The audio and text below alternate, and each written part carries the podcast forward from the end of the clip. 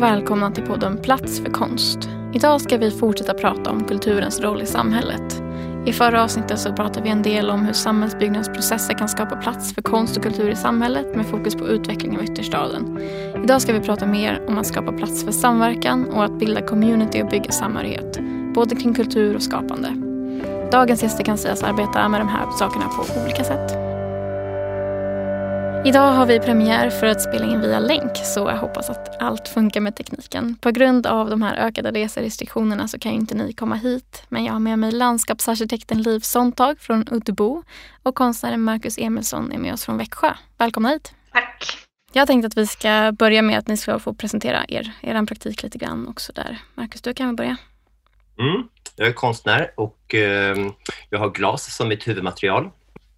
Ehm, I mitt arbete så har jag ett stort intresse för eh, mötet kring konst och vad som kan hända i det. Och då brukar jag tänka kring så här besökaren, ehm, konsten och eh, också utövaren. Eh, vad kan hända i den där treparten? Så det är liksom mitt intresseområde kring konsten och vad som kan uppstå i det. Så i det så har just människor och just mötet blivit en väldigt ehm, ja, men framflytta, ha en framflyttad position i mitt intresse. Då. Så att det är konst utifrån det perspektivet. Och eh, mitt glasande är ett sätt att eh, undersöka det. Så i det så har jag gjort eh, olika projekt, då, både egeninitierade men också på uppdrag. Eh, så. så skulle jag beskriva mig. Yes. Kort.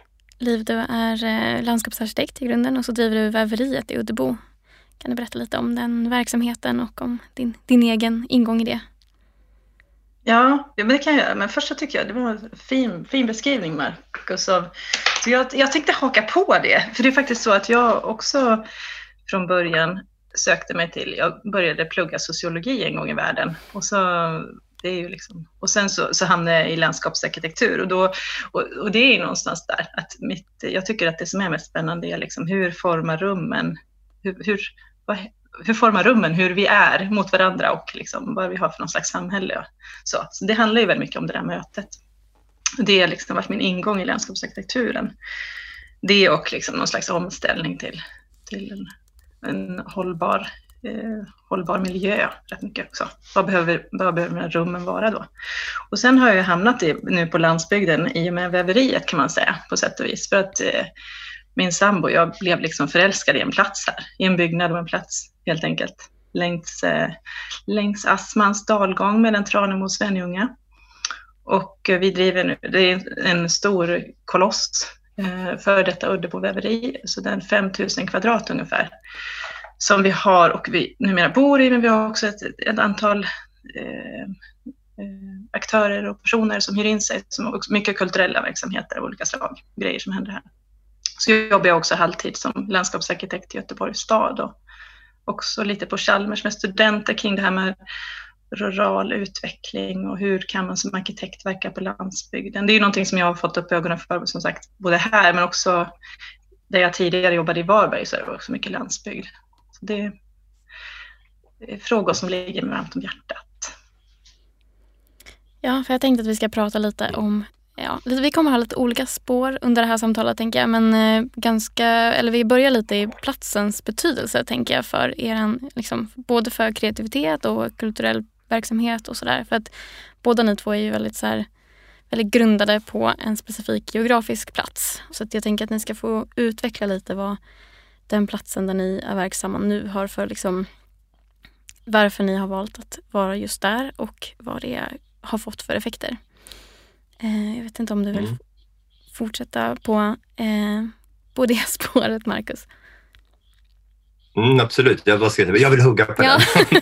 ja, men jag tänker så här, eh, jag har ju min, eh, min kreativa bas i Växjö jag har valt att flytta hit. Eh, sen så tänker jag att så här, ja, men det är min kreativa bas. Eh, sen plats är intressant. Jag har ett intresse för platser och eh, sen så finner jag mig någonstans. Vi befinner oss alltid någonstans. Man har ofta en bas där man kanske bor eller där man verkar eller så. Eh, men jag tänker att plats eh, är intressant och det kan vara olika platser. Eh, men jag valde ju att flytta från Stockholm till Växjö Eh, det var en, en, process eh, som höll på ett tag. Det handlade, eh, men inkörsporten till det handlade om att jag var intresserad av att lära mig hantverket kring glasblåsning. Det är ett ganska svårt hantverk. Det kräver mycket tid och dedikation för att man ska lära sig det. Man behöver också befinna sig i speciella studios i, i hyttor för att man ska kunna öva sig på det. Och när jag bodde då i Stockholm, då jobbade jag tidigare med tv och filmproduktion. Och då är man också så bunden till Stockholm för det är där den industrin finns. Eh, men så då, ehm, då hyrde jag in mig och försökte lära mig det där glashantverket i en hytta i Stockholm. Eh, men eh, ehm, det var liksom ehm, Ja, det var för utmanande för att ha det liksom sådär vid sidan om, så jag tog ett sabbatsår drog till Småland, till Kosta och gick ett år glasutbildning. Och efter ett år så kände jag att jag vill lära mig mer. Så då blev jag kvar ett år till. Och då så i den processen så tog jag också ett beslut om att men då vill jag satsa på det här. Då vill jag liksom fördjupa mig inom glashantverk men också inom konsthantverk och konst. Så då började liksom den eh, resan eh, med en tydligare riktning då kan man säga. Eh, så för mig så var det efter ett tag, så jag pendlade mycket mellan så Småland och Stockholm eh, och efter ett tag så tröttnade jag på det där. Eh, det fanns flera saker som gjorde att jag gjorde det. Dels var jag väldigt intresserad av den här um, bruksbygden som finns i Småland. Det finns ju en lång tradition kring att blåsa glas. Eh, men det där är ju också en del av ett, eh, ett samhällsbygge. Det finns andra platser som har andra materialintressen eller brukssamhällen. Eh, och det är någonting helt annat än att bo i centrala Stockholm, vilket jag gjorde. Då. Det är nästan så här klyschigt boende hade jag, att jag bodde på Södermalm i Hornstull och var lite arty. Ehm, och sen när jag kom till Småland var det så här bara, wow, det är så här det är. Um, och det var sjukt spännande. Det var en helt annan typ av värld än vad, vad jag befann mig i och som jag brukar umgås med. Uh, så det var spännande. Kombination så var det faktiskt mindre intressant för mig att vara i Stockholm, att jag tröttnade på Stockholm och uh, sökte mig mer och mer uh, mot eh, Småland. Då, då. Ehm, och sen så småningom valde jag att flytta till Växjö. och det var spännande, dels för att det är en så här mellanstor stad men men en tanke som, som, som en så känsla som jag fick med mig som tydligt som gör att det är intressant för mig att vara här eh, är att eh, när man flyttar eh, till landsbygd eller till mindre orter eh, så, ehm, så kan det ofta finnas hålrum som man kan utveckla saker i. Allting är inte färdigt det är ju inte så att det någonstans är helt färdigt, saker händer ju, men det kan finnas ett större behov. Och det kände jag tydligt med att flytta.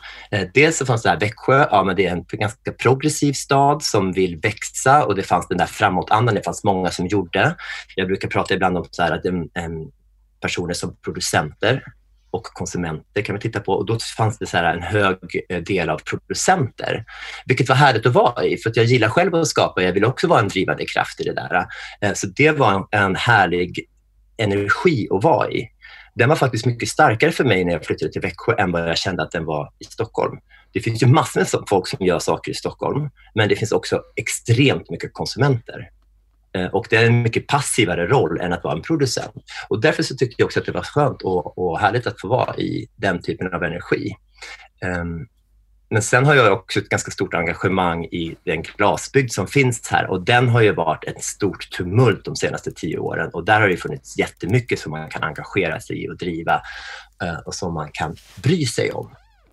Och det är väl liksom kärnan, tänker jag, med att, att man behöver vara på en plats där man bryr sig ska vi bara säga för några som inte är så bevandrade i glas, eh, in, inom glasområdet. Eh, är det någon, finns det någon, har du någon bra geografisk liksom, avgränsning av liksom, glasrike eller den liksom, eh, hantverkstraditionens ja, eh, område? ja, men det finns ju, eh, det har ju funnits lite utspritt i Sverige men jättemycket i Småland. Eh, och glasriket är ju liksom så här brukar man prata om och det är liksom så här paketeringsnamn för att man ska kunna marknadsföra det egentligen. Eh, men om vi skulle använda det, den här glasbygden, eh, så, så ligger den, eh, man kan säga att det ligger mellan Växjö och Kalmar om man känner till det. Men det som jag, det är faktiskt, jag tycker det är sjukt häftigt när man tänker på det här sättet. Det är ett, ett, ett område i Sverige som hålls samman av ett materialintresse man är intresserad av glas. Man har haft stor produktion, fabriksproduktion, eh, men nu har det också skiftat över att det handlar om så här, men, eh, hantverket, det konstnärliga mediumet glas. Eh, och det eh, området ligger i fyra olika kommuner, mitt på gränsen mellan två regioner. Jag älskar den, att det finns så här den där punkkänslan över så här, bara, vi skiter väl i liksom vilka dragningar vi har i Sverige, hur pengar ska komma in eller hur vi ska komma överens. Här finns det ett område eh, som har en tradition kring ett material eh, och det finns här och vi arbetar med det. Eh, jag tycker det är häftigt att så här, områden man kan ha olika så här, äh, regions och kommundragningar var gränser går, men sen finns det andra landskap i Sverige. Eh, textil är ju närheten, ehm, eh, det finns ju i närheten av Borås. Där har ju textil varit eh, ett så här materialintresse. Och det finns olika sådana områden. Och då är jag i det här glasriket som ligger mellan Kalmar och Växjö. Yes. För Liv, det här, den här liksom ehm, eh, andra miljön som, liksom, där folk är lite mer engagerade i sitt, eh, i sitt område och har ett, liksom en, eh, en eh, doer-inställning till, liksom sitt, till samhället. Det har ju du pratat om i Uddebo också, att det finns en sån liksom, alla, ska, mm. alla är liksom delaktiga på något sätt. Visst är det så? Ja, ja, eller i alla fall eh, många är det. Och mm. det är mm. väl just det där liksom balansen kanske, men att vara producent och konsument. Jag tycker det var jätte, ja, jätteintressant. Eh, det gör ju någonting med, med ett samhälle när många liksom är aktiva i sitt lokalsamhälle på något sätt. Oavsett om det är att bilda en ekologisk inköpsbutik eller att renovera ett hus, liksom gemensamt hus eller eh, lära sig odla eller liksom hålla på med ja, ja, konst på olika sätt eller vad, vad det är så liksom det gör någonting med plats. Det bygger liksom någonting på, på platsen som jag tycker är spännande. Och det var väl liksom en av de viktiga sakerna. Det var den viktigaste liksom när vi ändå eh, landade i väveriet också. Det, var, det är liksom ett fantastiskt landskap och det var ett hus och en byggnad som liksom är grym. Men framförallt så låg den ju och det borde vara vi upplevde att det liksom var någonting som puttrade och som händer här och så tycker jag fortfarande att det är, utan att det går att ta på riktigt. Liksom. Men folk gör grejer. Folk, många har flyttat hit och de som bor här också liksom gör mycket. Så kanske det är generellt på landsbygden, inte vet jag. Men det, men, det, men det är så i alla fall här. Vi flyttade från Göteborg för eh, två och ett halvt, snart tre år sedan tror jag, till, till en del av väveriet som vi har vår bostad i. Um, Ja. ja men jag tänker det, det är ju det där begreppet med plats liksom också. Att plats är ju det där fysiska med rummet som någon slags... Ja, men det är också de som är där, liksom. de som använder och gör grejer i det, som skapar den där platsen. Det är det ihop som blir så spännande. Ja. Kan du inte ta oss på en eh, liten vandring genom din, din plats, eller på, genom väveriet? Vad är det för typer av ja. liksom, verksamheter och eh, eh liksom, rum? Ja, precis. här är, det finns liksom en del som är en gammal kontorsbyggnad. Vi har Ja, jag började förresten i den stora lokalen, för det var liksom den vi såg först som var, apropå det här äh, utrymme, att, man, att en plats liksom behöver ju, man behöver ju kunna, man behöver ju bry sig om den, men det behöver också finnas ett utrymme att bry sig om den. Och det är ju kanske något där du slogs av. Vi kom hit, det är liksom en stor sån här sal, ni vet, med eh, snedtak som, är, som ljuset faller in fint på, som är liksom tusen kvadrat, så det är en jättestor lokal. Och på vintern har vi husbilsuppställning där, så det är liksom en bra kassako, för då det måste ändå värmas upp till plusgrader. Sen kan man göra andra grejer på sommaren. Men när vi såg den där tom, liksom, och speciellt min sambo som har bott i, utomlands, London, som är ju ännu trängre liksom, på ett sätt, och San Francisco många år, och som bara, wow, alltså den här platsen, vad vi kan och vi kan fylla den med liksom, drömmar åtminstone om vi inte orkar längre. Men det är liksom bara ganska härligt att vara i. Eh, för det är ju det där med utrymme. Det var ju smart också att tänka att kommunen måste ge det utrymmet. det är en annan aspekt av det, att det behövs ju också faktiskt det. Men det behövs ju också rent det fysiska, att man får plats att vara. Liksom. Eh, ja, så, så är det den då, så den, där just nu står det husbilar, men sen så är det ju i eh, den byggnad som jag sitter i som är som en kontorsbyggnad. Och här är det också en poet som är verksam i byn som eh, har ett projekt som heter Dikta dig som är spännande. För man liksom, eh, samtalsformen och diktandet han jobbar med. Och så har vi ett, ett makerspace som är en blandning, någon slags en digital verkstad. Jag kan ju inte alla de här verksamheterna, det är egentligen det är hyresgäster till oss, men det är en blandning av folk. Vi har ett litet surdegsbageri så man kan få en god, god, god kopp kaffe här. Det var väldigt bra. Jag har faktiskt saknat det. Det måste jag ändå säga. Det är gött att ha en cappuccino på landet också. Mm. Och det är liksom, eh, det, ni flyttade dit för två och ett halvt, tre år sedan och nu och ni har liksom eh, byggt upp den här verksamheten liksom eh, successivt eller är det, eh, har det... Ja, och rätt så mycket så har ju vi liksom svarat på, på initiativ och liksom hyrt in de som vill hyra in sig. Alltså vi, har, vi har inte gjort om lokalerna så speciellt mycket, utan vi har hyrt ut eh, lokaler i befintligt skick så långt vi kan till låg hyra och korta kontrakt. Och det tror jag är en viktig, liksom, ett vikt, viktiga förutsättningar för många kulturella verksamheter, eller man har det liksom, för att det ska kunna finnas. Det känns det som. Sen har vi liksom stora lokaler kvar som kommer att behöva mer anpassningar för att man ska kunna värma upp dem och så. Så det är ju en, en fortsatt utmaning med det. Men eh, ja, vi har, vi har väl liksom gett, vi har gett förutsättningar för att kunna använda det så. Vi har installerat jordvärme och byggt vår bostad och ja, gjort sådana praktiska förutsättningar. Men sen har ju huset fyllts av de verksamheter som är i byn rätt mycket. Det var ju det vi hoppades också. Vi har startat det här surdegsbageriet också, som vi har såg att eh, det behövs cappuccino, men det behövs också bröd. Liksom. Det behövs det som gör att, att Österbo, att eh, de ifrån byarna runt omkring, som det, tröskeln är kanske lite för hög för att gå på ett, liksom, ett performance-evenemang. Det är helt legitimt att åka och köpa bullar. Liksom. Det, det, kan man, det kan man göra och det, det hade jag hoppades att det skulle få den funktionen och det har det verkligen fått. Det har liksom, när, när vi öppnade bageriet så det var ju bara i september, så det var några månader sedan, men då var det liksom de från byn kände sig, oj vad många gamla det är här. och de som tror jag från byarna kring, oj vad mycket ung by liksom. Eller så här, det blir ett möte som är väldigt spännande och som för mig känns som är, det, är liksom det, det är det som är grejen. Det är därför det är det som är motiverande tycker jag i det där mötet. Jag tänker att det, jag ska ta med mig den eh, bullar som inkörsport till performancekonst ja. som någon slags eh, strategi för framtiden. Jättebra. Eh. Men det är faktiskt inte alls så dumt tänkt Eh, så för möten kan ju äga rum på massor med olika sätt. Eh, och så här, konstnärlig, som, som konstnär så tycker jag det är spännande att jobba med dem där och de kan få vara, då vill man kanske så här, tänja på um, ja, men så här, gränser och, på, på, sig själv och på hur mötet ska kunna bli och vad jag avkräver av min publik. Eh, så håller man på med det där på olika sätt. Men man måste ju hela tiden titta också på, så här, okay, vill jag att människor ska kunna ta del av det här eh, av en, av en lust och en vilja? Då behöver jag också titta på vad finns det för, för broar om man vill använda det som en så liknelse. Eller så här, vad, vad, finns, vad ger jag för ingångar? Hur kan jag kroka arm med de som kommer och göra att det känns också så här, kul för dem att vara där?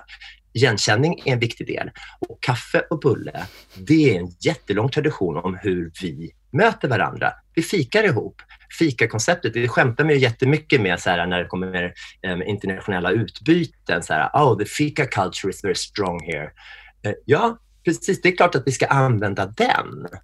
Um, och då kan det vara så här, men kaffe och bulle, det ger möjlighet till ett typ av möte. I ett konstprojekt som um, jag jobbade med, då, eh, var, då ville vi ha ett bra mingel efter man hade haft den här konstupplevelsen. Den konstupplevelsen var också så här att det var ett ljud och videoverk som eh, ägde rum i, i eh, på en, ett naturrum. Så man gick själv med sina hörlurar, med sin telefon och sen så spelade telefonen och hörlurarna med eh, miljön som var runt omkring en. Men man gick mycket själv, eller man gick själv framför allt. Det var så vi ville att det skulle kunna få vara i det också, en inre resa med sig själv. Men då skickade vi ut människor till en ensamhet och det var en kvalitet i det. Men vi ville också att det skulle kunna få bli ett möte, så då var det så här, bara, men efter uppsamlingen, hur går den till? Eh, och då var den en väldigt viktig del. Vid ett av tillfällena när vi gjorde den här så hade vi våfflor. Våfflor är inte samma sak som kaffe och bulle. För våfflor, ja, men det, det har liksom så samma konnotation av att det är, så här, ja, men det är trivsel, mm. hög trivselfaktor. Men när du ska göra våfflor så tar det tid. Folk måste ställa sig i kö. Vad ska de göra i den där kön? Ja, de eh, så här, står och är lite så tysta sen, så börjar jag säga, men hur var det för dig? Sen så kommer det liksom som ett naturligt flöde. Det får man inte på samma sätt om man kör kaffe och bulle, för det går så himla snabbt att mata ut. Men våfflan är väntan. I väntan så kommer de börja prata med varandra. Så att tänka på, så här, men så här, man kan tänka sig så här, en typ av utfodring som vi har i, i så här sammanhang kring mat, eller kring eh, när vi vill eh, skapa ett möte. Det spelar roll med vilken typ eh, av utfodring du väljer. Våffla eller kaffebulle. Eller så. Eh, och eh, inget av dem är ju fel eller rätt, så där, men eh, beroende på vad du vill skapa så kommer du välja. Så tänker jag. Mm. Mm. Ja, det är jättespännande. ja. Ja, jag Men jag skulle ska... säga så här, bara fylla på lite där på liv. Eh, jag tänkte så här, om vi pratar om landsbygden, eh, så finns det ju någonting med, om man tittar om man bor på landsbygd, på riktig landsbygd, då kan man inte bara vara själv. Man kan inte bara bry sig om sig själv. Man behöver varandra på ett annat sätt. Det kan vara så här, alla kan inte ploga vägen själva. Eh, man kanske behöver ved, man behöver hjälp med hästvaktning eller vad det nu kan vara för någonting. Så att jag tycker att det finns en större öppenhet och förståelse kring att så här, ja, men vi behöver varandra. I en stad så behöver du inte det. Du behöver aldrig låna en kopp socker av en granne i en stad. Det finns alltid ett 7-Eleven eller ett, eh, något ställe som är öppet där du går och tjackar det och då gör du det. Det blir konstigt nästan att mm. kaffe. Ja, men, och, ja, och det är ju någonting i det där att eh, vi, har, det, vi är nu några stycken som har får ihop. Liksom, för att vi, vi det, det, går att ha får, vi behöver markenarbetare, men vi är inte redo liksom, att skaffa djur själv, för det är en ganska stor, stort åtagande, man blir bunden och sådär. Och det, det, känns ju lättare att göra det här, för att man behöver göra saker och man behöver göra det ihop på olika sätt. Liksom. Men jag tänker att det är liksom en kvalitet även om man gör det som ett, eh, som ett evenemang eller liksom en festival av någonting eller ska få får. Eller så. Att det det liksom ligger närmare till hands att göra det på landsbygden för att man ändå behöver det ganska ofta. Fixa snöröjningen eller veden eller vad det är frågan om, där man behöver vara mer än en eller eh, mm. lösa det. Och, ja, jag upplevde också att när jag bodde i Göteborg så är det liksom sällan de aktiviteterna ja, kommer naturligt. Liksom. Nej, men det är väl bara att kolla på så här, folk som bor i bostadsrättssammanhang. Eh, eh, den där städdagen. Den funkar ju aldrig. Det är man fattar inte ens att man äger det där huset ihop, att man tar hand om det ihop. Liksom. Man tror att man har sin lägenhet. Alltså den där vi-känslan är inte så utpräglad. Det är ju till och med en, så här, en tv-reklam nu som, som gör, gör humor av det där. Liksom. Det, eh, att man säger bara, nej men håll dig undan när det är städdag. Liksom. Spela Bingolotto istället.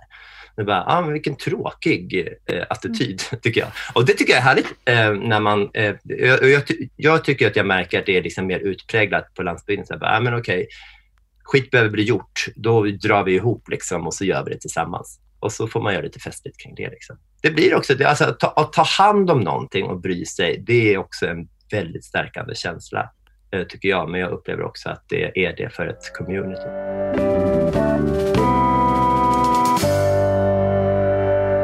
för just det här med typ att bygga community känns ju som att eh, båda ni två gör på, ett, alltså på helt, helt olika typer av metoder. Men att det finns en så här, den effekten är väldigt så här, eh, reell på något sätt. Att antingen skapa en plats där folk kan vara i ett samhälle och där folk kan ha sin verksamhet. Kanske alltså som väveriet kanske är i någon slags så här, både eh, att folk som har sina verksamheter där upplever att de har en, ett sammanhang där de också kan luta sig mot varandra men också att liksom hela alltså byn och byarna runt omkring och hela liksom, jag vet inte, regionen eller liksom att det finns en eh, att man bygger ett samband mellan folk genom att ge en plats till det. Och Marcus, du har ju jobbat jättemycket med alltså, eh, sociala relationer och jobbat i, liksom, med din konst som någon slags eh, mötesplats och eh, liksom, mötesarena på något sätt. Jag vet inte om du vill prata lite om Colab mm. Småland som du tog initiativ till för ett tag sedan, Marcus? Ja, absolut. Eh, det var när jag, när jag flyttade till Växjö och bestämde mig. Jag hade ju funnits här i Växjö eh, under ganska lång tid från och till, så att jag kom ju inte liksom som något, det kom inte som ett oskrivet vitt ark till mig, utan jag hade ju jättemycket så här kontakter och har sett in mig och sådär. Men när jag flyttade och valde att nu ska jag bo här på heltid, det är inte liksom ett fläng eh, fram och tillbaka mellan Stockholm och här. Eh, då ehm, så vart det ju relevant för mig att börja reflektera kring okay, vilka är mina eh, potentiella kollegor här. Eh, det är ju speciellt när man jobbar som konstnär, det finns ju inga förenade arbetsplatser på det sättet, för vi har ingen arbetsgivarorganisation. Eh, och i det så har det också fötts en kultur kring att man ofta jobbar själv. Eh, man driver sina projekt själv och man kan jobba på sin kammare eller sin ateljé. Man behöver inte nödvändigtvis ha det med andra. Så, Eh, så då tänkte jag, okej, okay, vilka ska jag jobba med här? Um, och eh, också lite så här, hur uh, jobbar vi på den här platsen? Uh, så det började jag uh, det var jag nyfiken på och i det så började jag göra projekt för att utforska det. Um, och då var tanken att, jobba, att göra korta intensiva projekt där vi fick känna lite på varandra. Um, hur, vi, hur, det var att jobba med uh, uh, ihop. Och då är både så liksom rent eh, praktiskt eh, eh, olika kanske hantverk eh, och göranden men också i tanke så där, bara, hur, vad har vi för intressen, hur stimmar vi ihop, hur har vi idéspån ihop och sådär. Så då började jag göra sådana projekt och efter ett tag så kände jag att jag skulle vilja göra det här i typ någon typ av ramverk. Ehm, och då eh, så föddes Collab Småland ur det. Och en viktig del i den var då att det var så korta projekt som man gjorde ihop. De var praktiska eh, i någon typ av frågeställning som man var intresserad av att eh, utforska. Eh, att det var sammansatta eh, grupper eh, med olika kompetenser, eh, olika hantverk, olika ingångar. Eh, och att det inte var en fastlåst grupp jag var inte intresserad av att ha en, eh, en, en grupp som var Collab Småland utan att det skulle kunna vara, man gick in och man gick ut eh, i det flödet. Det var jag intresserad av. Jag hade liksom också så här, ehm, jag saknade det lite eh, för att ofta när man bygger så här samarbeten så blir det som att det blir en, eh, en väldigt tajt liten grupp som också blir eh, exkluderande. Den blir tajt mellan de som är, liksom, men det, det, behöver inte nödvändigtvis föda någonting, ett sätt att vara i den plats man är på, för att det är bara den gruppen som håller på, precis som en egen konstnär håller på. Så då tänkte jag, ah, men hur kan det där jobbas med? Och då vill jag utforska det lite. Så då eh, eh skapade jag Color Småland, som då bestod av det. Korta små projekt eh, där olika människor gick in och gjorde. Och att det var just olikheten som var också intressant. Jag tänker ofta så att eh, vi kan olika saker. Um, alla kan någonting. Eh, så hur kommer det kunna bli när vi gör saker ihop? Satt ni då på samma plats också? Vi hade inte en fysisk plats på det sättet utan vi gjorde projekt som eh, ägde rum på olika platser. Så vi hade liksom egentligen två, så här, ett, en sak handlade om samarbetena, men en annan sak handlade också om så här, platsen som var, vi definierade då som södra Smålands inland. En, en tanke med det är också så där att, tänker jag, att eh, att eh, vända sig mot dem som har valt att bo på en plats eller som har anknytning till en plats Det eh, handlar också för mig om att vända sig till de som har någonting som de bryr sig om. Um, innan här så pratade vi lite om, om residence-verksamhet uh, eh, och det kan se olika ut uh, hur ett residence funkar. Um, man skulle kunna formulera sig kring Collab Småland som ett typ av residence, men det var liksom också så här egeninitierat och det var, fanns ingen finansiering för det, men det handlade om att vi drar ihop och gör någonting i ett projekt. Eh, och för, det, för mig var det då viktigt att det var människor som hade anknytning, relation till, på något sätt. Jag var inte så intresserad av att få hit liksom någon från Japan som jag skulle jobba med. Det kan vara jättespännande på många olika sätt, men just för att tänka så här, hur börjar vi ansvara och jobba för den här platsen? Så är det mycket starkare med en människa som faktiskt har någon anknytning och som också bryr sig om platsen, som inte kommer från sitt utifrånsperspektiv och tycker att det är exotiskt och sen tar med sig någonting hem. Jag är inte emot det, men det var inte det som jag var intresserad av. Jag var intresserad av att skapa liksom någonting där vi börjar driva och ansvara för den plats som är vår hemvist och som vi vill göra till vår hemvist. Eller kanske också, det kan också vara så att man har haft den så. Liksom, så att man har. Men mm. eh, det var en viktig, viktig del i det lokal kompetens. Ja, just det. Visst hade ni pratat lite om det, Liv? Att ni skulle starta någon slags boende också? Ja, precis. Det, vi har pratat om det och har vi inte helt landat liksom hur, den, hur den frågan ska se ut eller vad är det som eh, vad, vad, är det för form liksom? I vilken form är det? Um, men det är ju någonting med det där att det att det, det, det finns som att det finns ett antal människor som, är, som vill liksom vara på landsbygden men man har inte fullt möjlighet att bara växla över helt för att man har sin eh, utkomst eller barnen går i skolan i stan eller vad det nu än är. Liksom. Eh, nu ligger ju väveriet en och en halv timme med bil, två timmar från Göteborg ungefär och ganska nära Borås och Jönköping. Och så, här. så jag tänker också att alltså landsbygden och Uddebo specifikt har liksom saker som i alla fall om jag bodde i stan och inte hade möjlighet att välja helt, skulle jag vilja ha en del av livet. Alltså det där utrymmet, eller på något sätt att, um, att bry sig på något sätt om en, om en plats mer. Alltså man kanske ibland inte har ekonomisk möjlighet ens att ha i stan. Man har kanske möjlighet att ha en ateljé eller en plats i en makerspace eller så och kan delbo. Alltså där är det någonting med det digitala också att ju mer vi, nu jobbar jag helt härifrån, men ju mer man kan också vara liksom delvis anknuten i alla fall till en plats så kan ju det vara en möjlighet på olika sätt. Eh, så ja, där någonstans är vi tankarna. Jag jobbar med en, jag handleder en kurs på Chalmers som heter Local Context eh, som handlar just om liksom lokala, lokal utveckling på landsbygder. Och det är jätteintressant att höra hur studenterna tänker kring det masterprogrammet på Chalmers. Hur ser de och tänker kring liksom, eh, småorters utveckling och möjligheter? Och då har väl den frågan också kommit upp, ofta kopplad också till liksom, turism, där det kanske, alltså det finns ju något i det där att kunna vara en del av och inte bara åka och åka hem utan kanske komma tillbaka och vara en del av flera liksom, sammanhang som tänker jag är någonting som man vill liksom, ja, ja men lite fördjupad besökande på något vis. Alltså, man kan få höra till även om man inte är helt permanent bor för det kanske inte alla har möjlighet att göra på landet. Det är trots allt så att det är svårt med många arbeten. Men eh, ett tag så var det ju väldigt eh, inne med att man skulle ha så insatslägenheter i Spanien och i olika sådär varma delar av världen. Då handlade det ju om att åka ner jag måste bara ha lite sol och bad.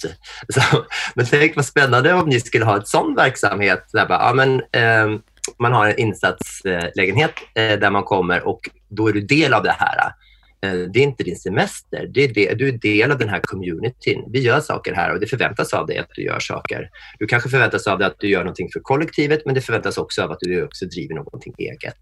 Ehm, det skulle ju kunna vara en, en eh, väldigt härlig miljö att få komma till och då kanske det är så att ja, du har ehm, en månad varje år då skulle det vara för er i princip att det är 12, om ni skulle ha liksom flow på det där, då är det så 12 olika personer som kommer in, kanske med familj eh, och eh, gör någonting.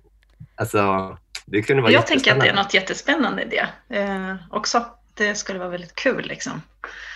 Också, för en av de sakerna som också är kul med, med Uddebo, tycker jag, det är ju att det, det är en by på 300 invånare och precis som vilka, vilken by som helst så är alla här mer eller mindre aktiva i perioder och när det passar i livet. Och så här. Men sen är det ju också många som har på något sätt anknytning hit och som liksom har Mm. Studiefrämjandet hyr in sig hos oss och det är liksom, jag har inte haft någon koll på folkbildningsförbunden så här, men det, vi, har, vi hade ett samtal för något, ett år sedan eller så om liksom så där, utveckling och då förstår man också att de frågar sig också vad är, liksom, vad är folkbildning på landsbygden? Vad är det idag? Liksom? Vad behöver det vara? Det är ju också rätt spännande liksom, alltså, för det kanske handlar om det där communitybyggandet rätt mycket, tänker jag kopplat till såklart hantverk eller andra saker, men också liksom communitybyggandet i sig. Eller så här, det var väl det de var inne på också.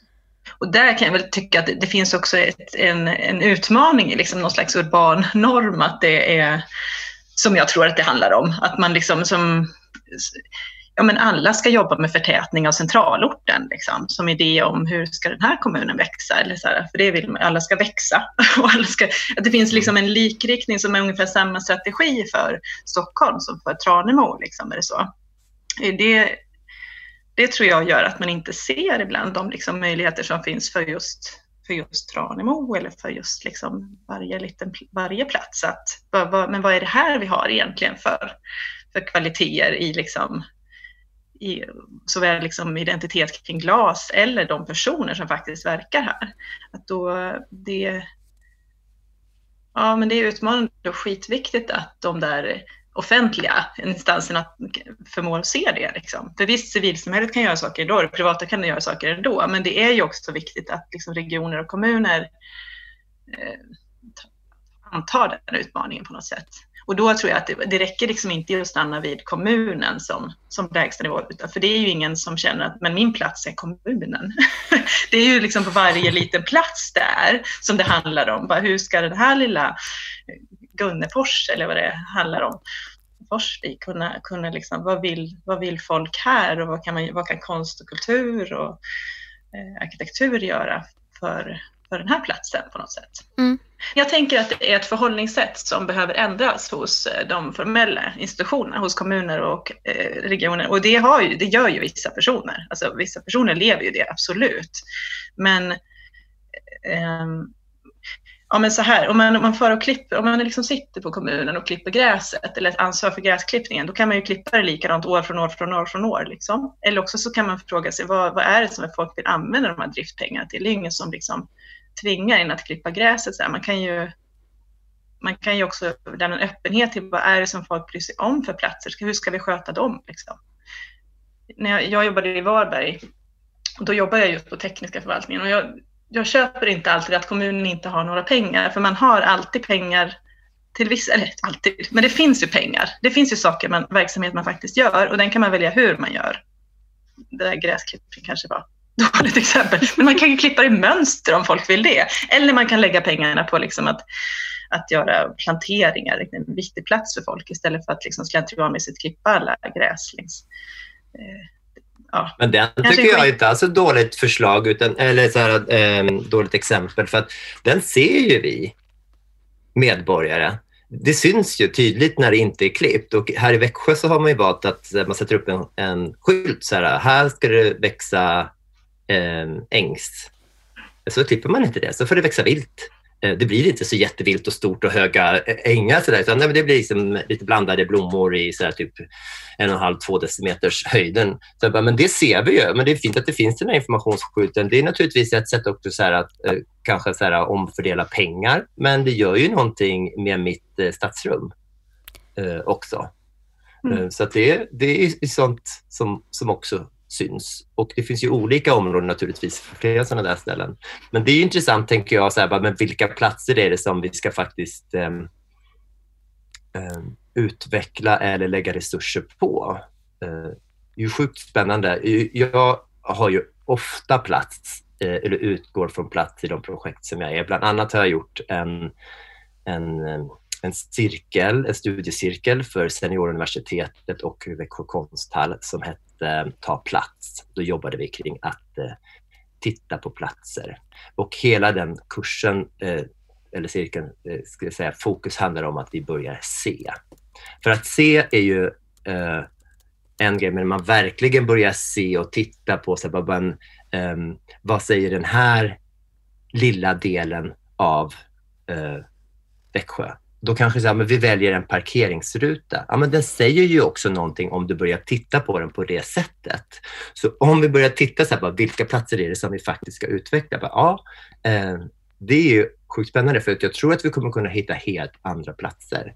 Och naturligtvis, en plats handlar ju inte bara om liksom, en geografisk position. En plats handlar ju om vad som finns representerat där, kanske vilka typer av material som finns representerat där, vilka människor som finns där, hur för sig människor där, vilka konventioner har en plats. Det är ju superintressant att titta på och där kan det ju finnas stor anledning till att hålla på och leka med konventioner. Eh, hur ska vi göra på den här platsen? Men ska vi sitta, ligga eller stå? Ska vi alltid stressa igenom den? Ska vi liksom ta en paus här? Ska vi jobba med ljudbilden just på den här isolerade platsen? Vi tar två kvadratmeter där vi så skapar ett ljudisolerat rum på något sätt. Eller alltså, hur kommer en plats eh, eh produceras och kanske omdefinieras?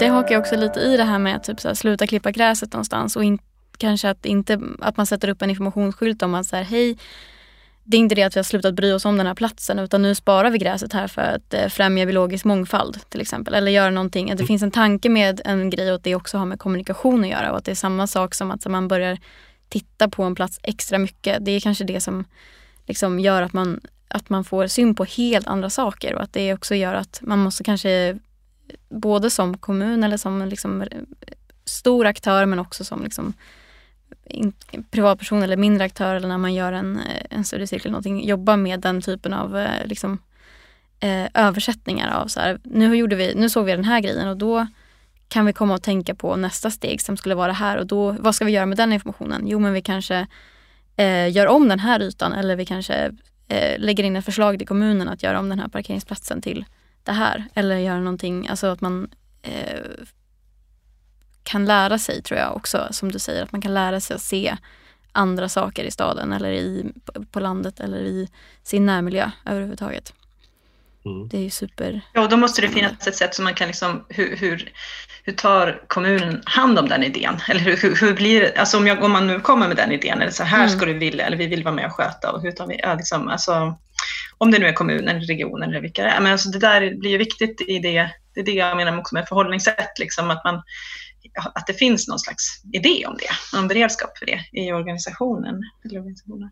Jag tänker också att det liksom har ju jag tror att man mycket har varit fokuserad på liksom investeringar. Jag tänker på den här enprocentsregeln av så investeringar till offentlig konst och så här, som ju är jätteviktig och bra.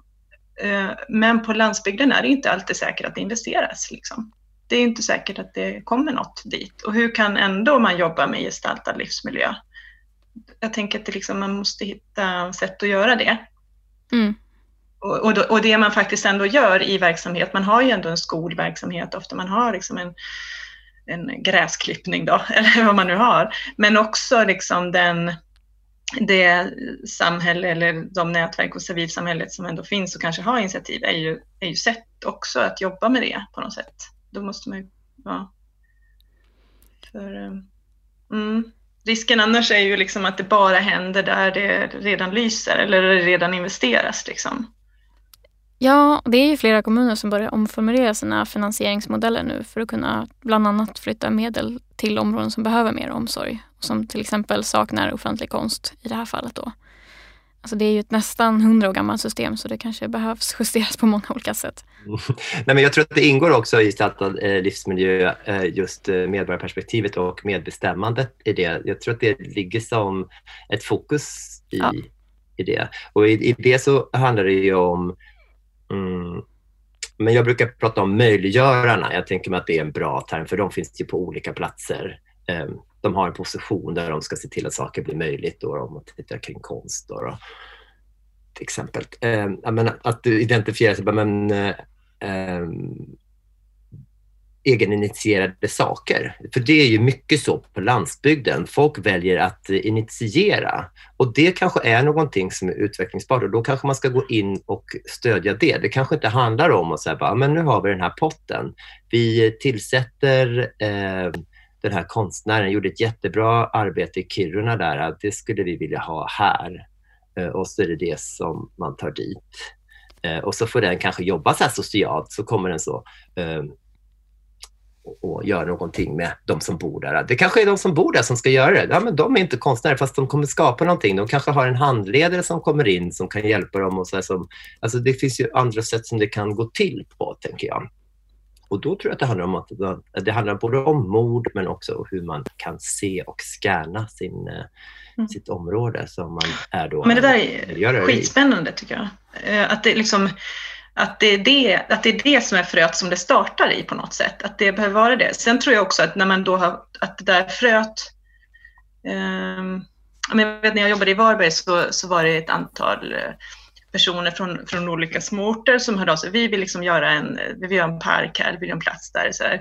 Och så var ju det där liksom en plats. Men jag såg ju också från en att de vill göra saker, men de behöver ju också en utformningskompetens. Liksom. De behöver ju också hjälp i den processen. Och där tänker jag att de också, lika väl när det är ett konstprojekt, så behöver de ju också en, en konstnärlig liksom, kompetens i det.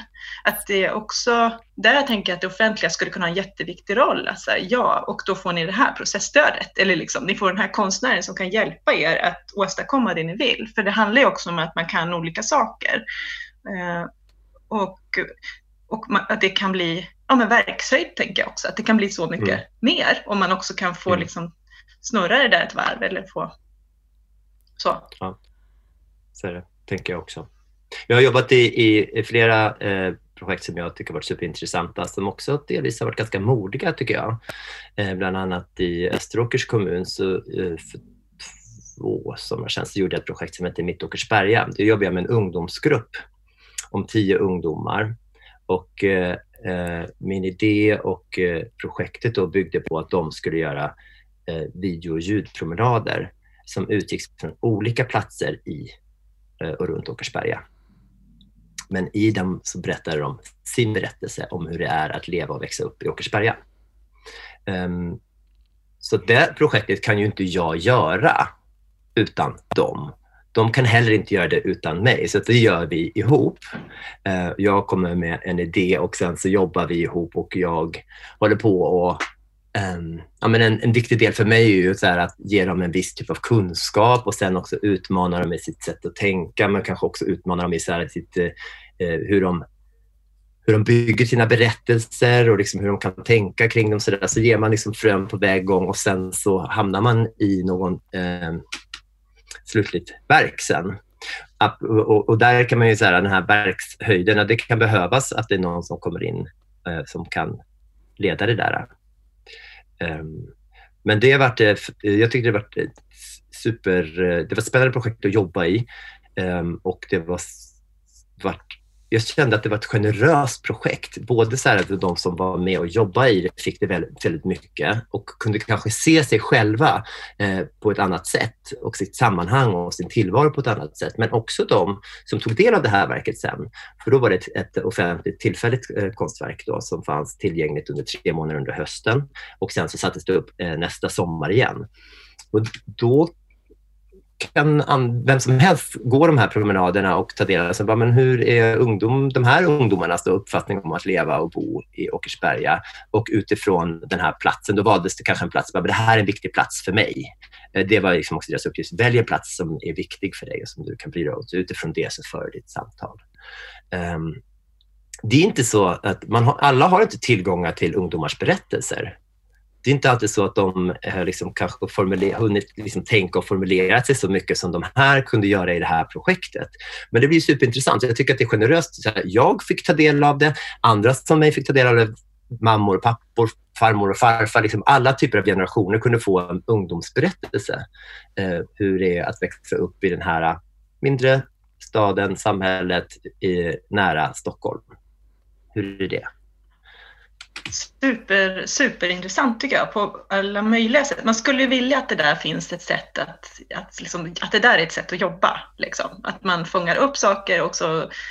Eh, och det kanske det är på vissa ställen. Men jag tänker att det hade varit jättevärdefullt. Liksom, i att det är liksom en lokal utveckling som, som platser skulle må väldigt bra av och det skulle hända väldigt mycket man gjorde så.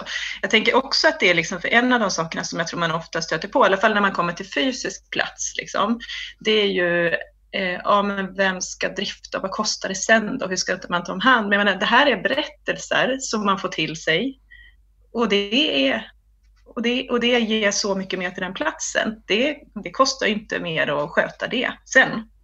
Men man har ett värde kvar. Liksom. Mm. Eh, det blir också ett tidsdokument. Ger, Ja, ett tidsdokument och det är liksom vad, vad konst och kultur kan göra i platsskapandet, verkligen. Eller en del. Mm. Det blir naturligtvis, det där var ju en fråga som dök upp sen för att eh, eh de här finns ju digitalt då att ta del av. Det är också så här hur eh, vilket stöd man behöver ge för att det här ska också få bäring. Eh, en sak är ju att producera det och skapa det, men sen så, så är hela, hela syftet är ju att folk ska få ta del av det. Eh, det är ju inte ett konstverk som människor direkt så känner igen. Jaha, en ljud och videopromenad som jag inte kan se, som jag kan gå till någon plats och sen söka upp. Alltså förklara det där på ett enkelt sätt. Du går till den här platsen. På den platsen kommer du skanna av en QR-kod och då kommer du direkt komma till en videopromenad. Du går den promenaden och den visas i din telefon. Alltså, alltså bara få människor att så här, typ, göra det där. Att, för man kan inte känna igen det, för att oftast ser inte offentliga konstverk ut så. Många tänker kring offentliga konstverk som att det är en fysisk material i eh, stadsrummet. Eh, en skulptur. Eh, så. Men här var det ju inte det. Så då jobbade vi med att vi hade så här, eh, dörrar som placerades ut. Det var ingången till berättelsen, gula dörrar, så fick man söka upp dem. Eh, men det var ju eh, en utmaning i sig och också att det är så här, ett offentligt konstverk är tillfälligt. Det fick jag förklara så många gånger. Att så här, bara, ja, de kan vara tillfälliga. Eh, hur, tänker du att de inte skulle kunna vara det? Ja, men konstverk de ska finnas för evigt, de ska vara ett landmark. Ja, det kan de vara ibland. Arkitektur kan vara ett landmark. All arkitektur är inte det. Eh, och att det kan vara Eh, tillfälliga. Och egentligen kan man ju säga så att all, allting som vi skapar är ju tillfälligt. Ett hus kommer ju inte stå heller för evigt. Det handlar bara om vilket tidsperspektiv vi har. Ja, om så här eh, 800 år, vad har vi kvar av det som vi bygger idag? Uh, ja, och nu handlar det om så här, ja, men det finns under tre månader. Jag kan tycka att det är bra att tänka kring, eh, tänka kring så här, vilket tidsspann man har i det. För det är också den här, ja men jag förväntar mig om du, för dig som är intresserad, eh, att du tar dig nu, under den här mm. perioden. Sen kommer du inte få det. Eh, alltså det var ju flera saker i det här projektet som var så här, man behövde eh, tänka till om hur man kunde armkroka och bygga broar för förståelsen. Eh, men sen var det ju också en del så här, eh, även om det var digitalt eh, baserat och det fanns där, så de här dörrarna var ju också kul att trasha lite. Så, så fick man ju åka ut och fixa det där. Men det var också roligt att så här, ungdomar som ringde bara, ah, men jag såg den här dörren, den är sönder nu, den måste fixas. Bara, men jag ringer, bara, ni måste fixa den. Här. Ja. Jag tänker att det där är en bra grej att tänka på när man tänker på typ eh, hur eh, om någonting är te temporärt, det här finns bara under tre månader så kommer det också som du sa Liv, att det kommer, alltså berättelserna kommer ju ändå leva kvar. Det kommer ju alltid vara någon som har hört den här berättelsen som tänker på det här 20 år senare när de går på samma väg och bara just det, får en minnesbild av den här ungdomens eh, liksom, insikt om den här platsens betydelse i något annat sammanhang. Precis som att de här, liksom, det är ett immateriellt verk som inte liksom, som är berättelse bara men det har också en fysisk form och den kan också bli liksom, vandaliserad. Och den försvinner om ett tag men det finns ju en viss, viss tid. Så att, att eh, tänka att mm, vissa, eh, att näst, det mesta som är liksom temporärt har också någon slags jävligt lång tidslinje och eh, det mesta som är materiellt har också ett, liksom ett immateriellt eh, innehåll som är ändå kanske större eller liksom mer beständigt på något sätt. Men jag hoppas att mm. eh, offentlig konstbegreppet kan växa så mycket så pass snabbt att det här kommer bli liksom Alltså att man ser att det här, den här potentialen att använda kultur eller konst som ett sätt att eh, se på platser på ett nytt sätt kommer bli mycket, alltså kanske inte vanligt men alltså bara att man kan tänka lite större kring så här, vad kan man få ut av, den här, av det här arbetet? Eller vad kan man, hur kan man använda sig av nya perspektiv för att se på den här platsen och hitta nya kvaliteter. Ja, det kanske är så, för jag har nog eh, precis för det kanske, det kanske är så att man inte liksom, det är inte bara tillfälligt och permanent. Så som du säger Marcus, det är ju liksom ett, man kanske ska ha det verkligen som så ett tidsperspektiv och det är en del av analysen. Liksom. Hur, hur lång tid? Ingen mm. värdering i det. Tre månader eller 300 år. Liksom. Alltså det, det är liksom olika grejer och det har olika kvaliteter. Och så får man förklara verket eller det man liksom vilja liksom utifrån det på något sätt. Eller att det är en del Ny av terminologi kan behövas ibland. Ja. Det där tycker Precis. jag är ganska roligt, för det är ju ofta så när man ska göra ansökningar, så då ska man ju eh, man ska ju redogöra för väldigt mycket redan från början. Eh, så här, hur många som ska komma, vilka ska komma, vilken är din målgrupp och så där. Liksom. Så ska man veta allting innan man har gjort någonting. Det där är ju så himla besvärligt där man sitter med de här ansökningarna och ska skriva dem. Um, och sen så är det ju ofta så här, liksom, så här men vilken målgrupp är det? Då ska man tänka kring ja, men så här, kanske vilken socialklass som ska komma, eh, vilka kön det är, eh, vilken ålder det är. Det är så ganska vanliga kategorier som vi har. Liksom. Eh, och det där tycker jag kan vara liksom, eh, knöligt och att det liksom blir för fyrkantigt. Så att, där finns det till så anledning att säga, men vilka är det som jag tänker kommer ta del av det här? Så då kan jag använda mig av, så här, jag tror att det är den intresserade medborgaren som kommer ta del av det här. Det är ju liksom, handlar ju mer om vilken typ av attityd en målgrupp har än att snarare de termer som vi brukar prata om det. Eh, och där, det finns ju eh, liksom det, eh, det etablerade sättet att tänka kring målgrupper, det finns ju utifrån att det finns politiska beslut om vilka som ska nås. Ungdomar och barn ska nästan alltid prioriteras. Om, mm, Alltså det finns olika grupper som ska, och det kan vara relevant ibland, men det säger ju också så här, bara, men bara för att du är en ungdom så är du ju inte så här, eh, du är ju mycket, du är mycket mer eh, än det. Du är ju också en som är typ av intresserad av vissa saker. Eh, du är en person som har en viss typ av energi. Eh, det kan ju vara så här, den här målgruppen, målgruppen som jag vill nå är de högfrekventa individerna. Det kan ju vara så här, ja, men det är de som jag ska stimulera i det här. Det är de som jag vill kunna försöka nå i mitt samtal. Eller så bara, jag vill nå dem som är den kontemplerade karaktären. Ja, vad bra. Då, så här, det är ett annat sätt att tala om på vilka man ska nå. Um, så att terminologi är så här, utifrån det som, som du sa Liv, där, liksom bara, men det kan behövas annorlunda. Vi kanske inte ska prata om permanent och eh, tillfälligt. Det är så här bara, vi, vi benämner det direkt i tidsperspektiv. Ja, för då blir det också kopplat så här, ja men om det nu ska stå fem år eller, eller tre då. Det kanske inte gör om det går att trasha lite grann och sen plockar man bort det liksom. Men det är klart att ska det stå flera hundra år, då är det ju bra om det inte går att ha sönder det på en gång. Eller så, Eller så det, det, blir ju liksom en... Ja, men jag, jag tror nog utifrån också att ha jobbat på teknisk förvaltning, att det liksom ofta finns en så här, ja men konst och, konst och sånt, det är så svårt att sköta det sen. Det blir liksom besvärligt, det blir kvar. Ibland med rätta kan jag tycka, för att det är så här tillfälliga projekt som det står någon tråkig stolpe och skranglar kvar som liksom inte har med verket att göra, utan bara någon slags, eller förstår ni, det är liksom bara det är inte kanske genomtänkt hur vad blir kvar sen på platsen och då, då kan det ju liksom bara störa mer än det tillför på något sätt. Men det, det måste ju inte vara dåligt att det är tillfälligt, utan det, att det kan att visa att det kan ha en kvalitet. Liksom. Och sen så löser man det.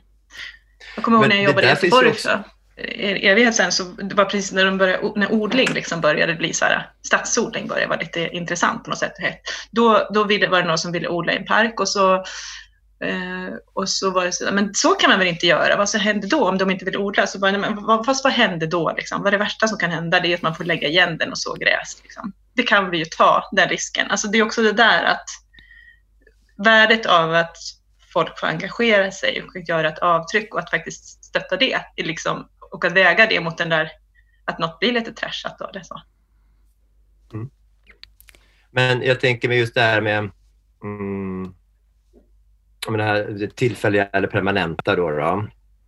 Det är ju också ett stort problem med de permanenta konstverken eh, för att eh, de kanske inte utvecklas med tiden. Man har ju hela den här diskursen kring sydstatsmonumenten i USA som är högst problematiska. Eh, det är liksom ganska polariserad diskussion kring det. Nej, det måste vara kvar, det är vår historia och vissa tycker just att den här liksom, den vita maktens översitteri också så här um, det, det, är liksom som en världsordning som man gärna egentligen skulle vilja ha. Um, samtidigt som många känner sig kränkta över att de ska gå och titta på den här. Är det lämpligt att den där är så permanent egentligen? Hade det kanske inte varit bättre om den så småningom hade bara vittrat sönder? Har vi inte haft den här? Ja, då kan man ju tänka sig att det är jättebra för diskussionen i en, samhälls, i en demokrati att vi kan ha de här. Ja, men absolut, det kan finnas bra saker i det, men det är ju inte som att permanent är lika med bra. Då kanske man får tänka så här att dokumentationen ska finnas på andra sätt. Om man tänker sig att det ska, det ska bära vår historia, för det är ju en del av historien. Men det går inte att ha liksom jag tänker att man kanske kan eh, ta över någon slags tankesätt kring eh, typ hur man tänker på landskap till exempel. Hur så det finns i cykler och att man tänker att någonting ska ha plats att växa och sen så kommer det också kanske gå över någon slags mognadsperiod. Att så här, men man kommer behöva göra, göra om här. För att det kommer, folks rörelsemönster kommer se annorlunda ut.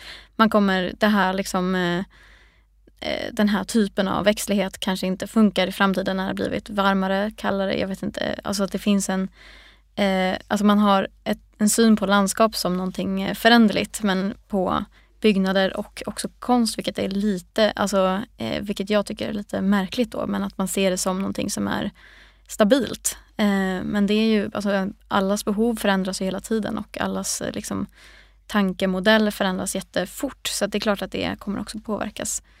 Eh, hur man, vilken typ av, det alltså, är det jag tänker, jag hoppas att gestaltad livsmiljö kommer också innebära liksom det sättet som man ser på, eh, på landskap kommer att influera hur man ser på liksom, levnadsmiljöer. Kanske inte att man ska bygga om jätteofta men att man ska ha en tänjbarhet. Liksom. Mm. Ett sätt att vara med det där är ju att också säga att man tittar aktivt på hur, eh, hur aktiverar vi eh, det som finns i um, om man tittar på, på, på offentlig konst, då, mm. hur aktiveras den offentliga konsten? Hur blir det relevant? Det är ett sätt att uppdatera den. Ja. Och det tänker jag också så här, kring, kring platser. Så som du var inne på Liv, så här, bara, men vilka platser är relevanta nu? Vilka är det vi ska utveckla? Det är ju att man hela tiden aktivt, Eh, eller att man söker aktivering av platser. Nej, men jag, det, är, ja, nej, men det är spännande det med tid och liksom hur länge var, det beständiga på något sätt. För på ett sätt liksom är det ju hållbart. Alltså man tänker som, vilka material behåller värde länge? Liksom att, att en sten gör det på ett annat sätt, liksom, en natursten, än om man håller på att förädla den till en eh, mindre, mindre hållbar men billigare produkt. Liksom. Den där stenen kan man ju använda liksom, gång på gång på gång till något annat. Men det är just att man också kan det, alltså att man kan plocka sönder saker och då kan bygga om det som på något sätt och skapa det värdet. Det var på, på arkitekturgalan förra året så var det ett, brittiskt par som, som just bred på det där och beskrev att men vi kanske behöver tänka liksom att drift och underhåll typ, det liksom är det som vi ska lägga ner värdet i. Som, om man tänker på ett tak liksom, så ska vi inte köra ett aluminiumtak som är förbrukat alla resurser redan innan det finns där på något sätt. Utan ett halmtak där man måste lägga om det med jämna mellanrum. Men sen så har man liksom värdet att det finns där skapas, men det är ingen nästan klimatavtryck att man lägger dit det och sen så måste man göra om det gång på gång. Och jag tänker att det liksom ligger nära en hantverksmässighet i det där också, att liksom det är det som skapar värdet, inte det här äh, resursslurpandet för, för beställda på något sätt eller för producerade. Det tänker jag. Var det flummigt? Nej men inom, nej. Alltså, inom offentlig förvaltning pratar man ju alltid om så här, att det finns, inga, det finns jättemycket pengar till produktion eller till liksom, utveckling men sen finns inga, liksom, inga medel för underhåll. Det är kanske inte hållbart att tänka att saker ska vara, liksom, ja men som du säger, att resurserna ska vara eh, koncentrerade kring en tidpunkt och sen så ska det bara vara där utan att liksom, få någon något stöttande, liksom, några stöttande insatser alls. Nej, precis, och sen bara liksom devalveras värde. Sen ska det mm. bara för, för, förfalla och försvinna. Det är ju liksom så långt ifrån något slags cirkulärt som, som bara går. Det vore mycket mer spännande också om, man liksom, om det där måste återskapas och, och nytolkas ja. på något sätt också, tänker jag. Ja, för då förvaltar man ju tankegods också, inte bara materiellt värde utan någonting som är, alltså då upprätthåller man också någon slags eh, idé. Det är ju på ett sätt mycket mer alltså, intressant. Mm. Men eh, finns det några andra viktiga saker som ni vill att lyssnarna ska ta med sig från dagens samtal? Um, ibland så ska man vara uh, den som initierar. Att man bjuder in. Uh, att man ska bidra på det sättet. Och ibland så ska man också vara den som, när andra gör det, bara avsätter tiden ja, för att vara ja. där. Precis, för, att, för det är också så tror jag, om man, om man tycker om att göra saker, då har man många idéer om vad som ska göras, så startar man igång de där idéerna själv, vad som ska göras. Men man kan ju också liksom vara del i det andra har dragit igång och gör. Ja, eh, det är en sak, men kanske också att de som är möjliggörare, makthavare, de ska ägna sig mycket åt uppsökande verksamhet. Jag tänker eh, eh, kring det i min praktik ganska mycket, att jag, att jag eh, en faktor att tänka kring är så här, hur är jag uppsökande i det här? Vart tar jag det här projektet? Var vill jag att det här mötet ska äga rum någonstans?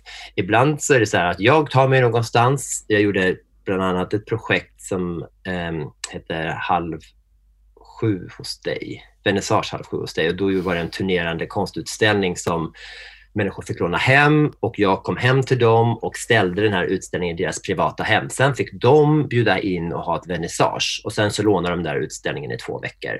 Sen efter två veckor kom jag tillbaka, tog utställningen, åkte till nästa hem, satte upp den. Eh, så då var det så här väldigt tydligt uppsökande.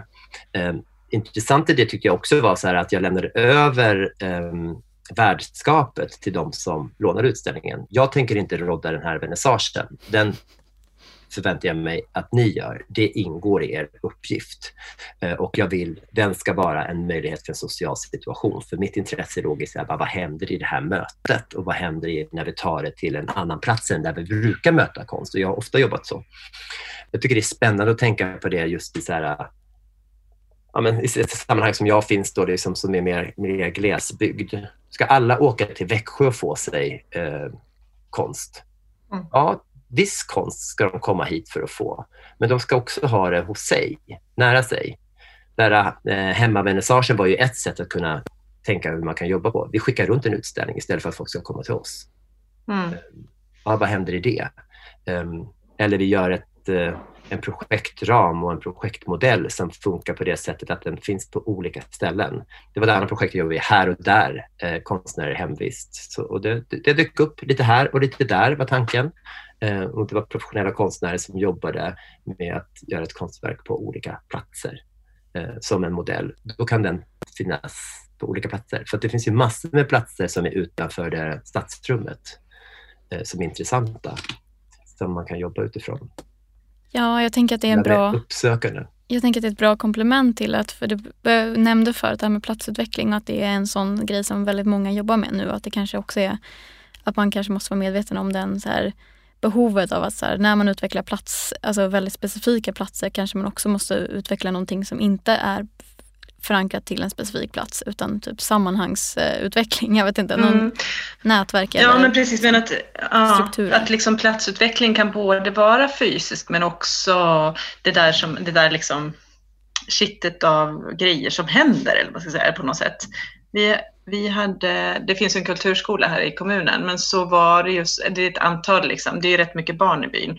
Och då så, så pratade vi med kultur, kulturchefen här som är liksom en av de som, det, det, funkar väldigt bra i samarbetet. Och då så sa han, men vi kan ju, drar ni ihop en grupp så kan ju vi skicka en liksom barnsångpedagog till er lika väl istället för att liksom verksamheten är på den fysiska kulturskolan.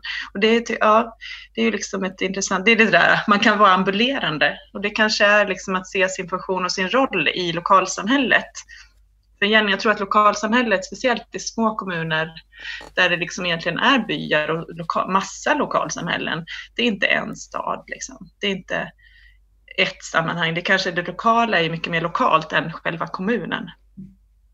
Jag tänker man får ha som bokbussen fast konstbussen och eh, jag ja. inte, alla, alla typer av sådana ja. verksamheter som får turnera. Mm. Mm. Ja, för det, eh, jag tänker mig också att det är ett jättespännande Um, alltså det är ju en tankefigur som man utgår ifrån. Ja. Då, men det kan ju ta massor med olika form. En bokbuss mm. har, vi, har jag vuxit upp med uh, bland annat. Och det fanns också så här, ja, men, jag är riksteater men det fanns också egna teatrar som mm. hade vi, Jag är född i Norrtälje som är en där småstad utanför Stockholm. Uh, dit kom det en, en teaterbåt varje år som ja, den gjorde liksom kust, den hade kustturné, liksom, så la den till vid olika hamnar så körde de en teater. Vi gick alltid på den. Liksom. Um, Ehm, så det kan ju se olika ut. Eh, eller att det är liksom ett projektformat som flyttar runt. Så så. Man börjar hålla på och grotta eh, med det där och leka med den tanken. Hur skulle det kunna se ut då? Då tror jag att man kommer hitta nya, eh, nya idéer och nya sätt och nya metoder att, att skapa. Och också bjuda in till det där mötet då, liksom, som vi, det Liv och jag är inne på att prata om. Hur ska det där mötet ske och vart? Varet och huret brukar jag ju ofta prata om. Jag älskar det. Det låter som en bra plats tycker jag att avsluta det här samtalet idag. Så får det bli en uppmaning till alla lyssnare att fundera kring hur platser för kultur och möten kan se ut i framtiden och hur vi kan verka mer för att bygga community och samverkan ihop. Jag tackar Liv och Marcus för er medverkan. Jag heter Molly Sjögren och du har lyssnat på podden Plats för konst. Ha det fint!